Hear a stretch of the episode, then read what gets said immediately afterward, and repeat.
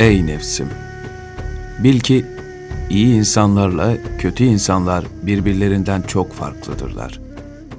İyiler bir kimseyi kötülük işlerken gördüklerinde, görünüşte onu kınasalar da, içten içe onun için dua ederler. Kötü insanların kınaması ise yalnızca intikam almak ve kendilerini rahatlatmak içindir.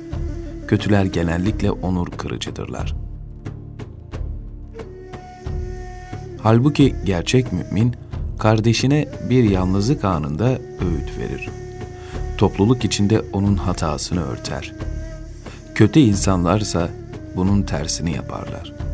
Birini günah işlerken gördüklerinde onu hemen oracıkta rezil rüsva ederler. İşte onlar basiretsiz ve Allah'ın merhametinden uzak kimselerdir.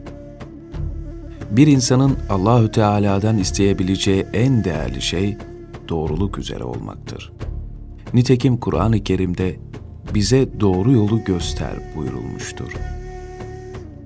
Bu yüzden ey nefsim, Allah'tan dost doğru olmayı dile. Zira doğruluk her yönüyle Allah'ın hoşnut olduğu bir hal üzere olmaktır.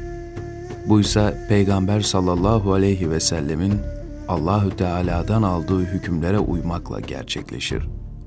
Sevdiğini sadece Allah için sevene cömertlik ve asalet elbisesi giydirilir. Hak yolcusunun durumu, su arayan bir kimsenin durumuna benzer. Azar azar vurduğu kazmalar sonucunda suya ulaşır. Cezbeli bir kimsenin durumu da, bir bulutun sürekli olarak kendisi için yağmur yağdırdığı kimsenin durumu gibidir.''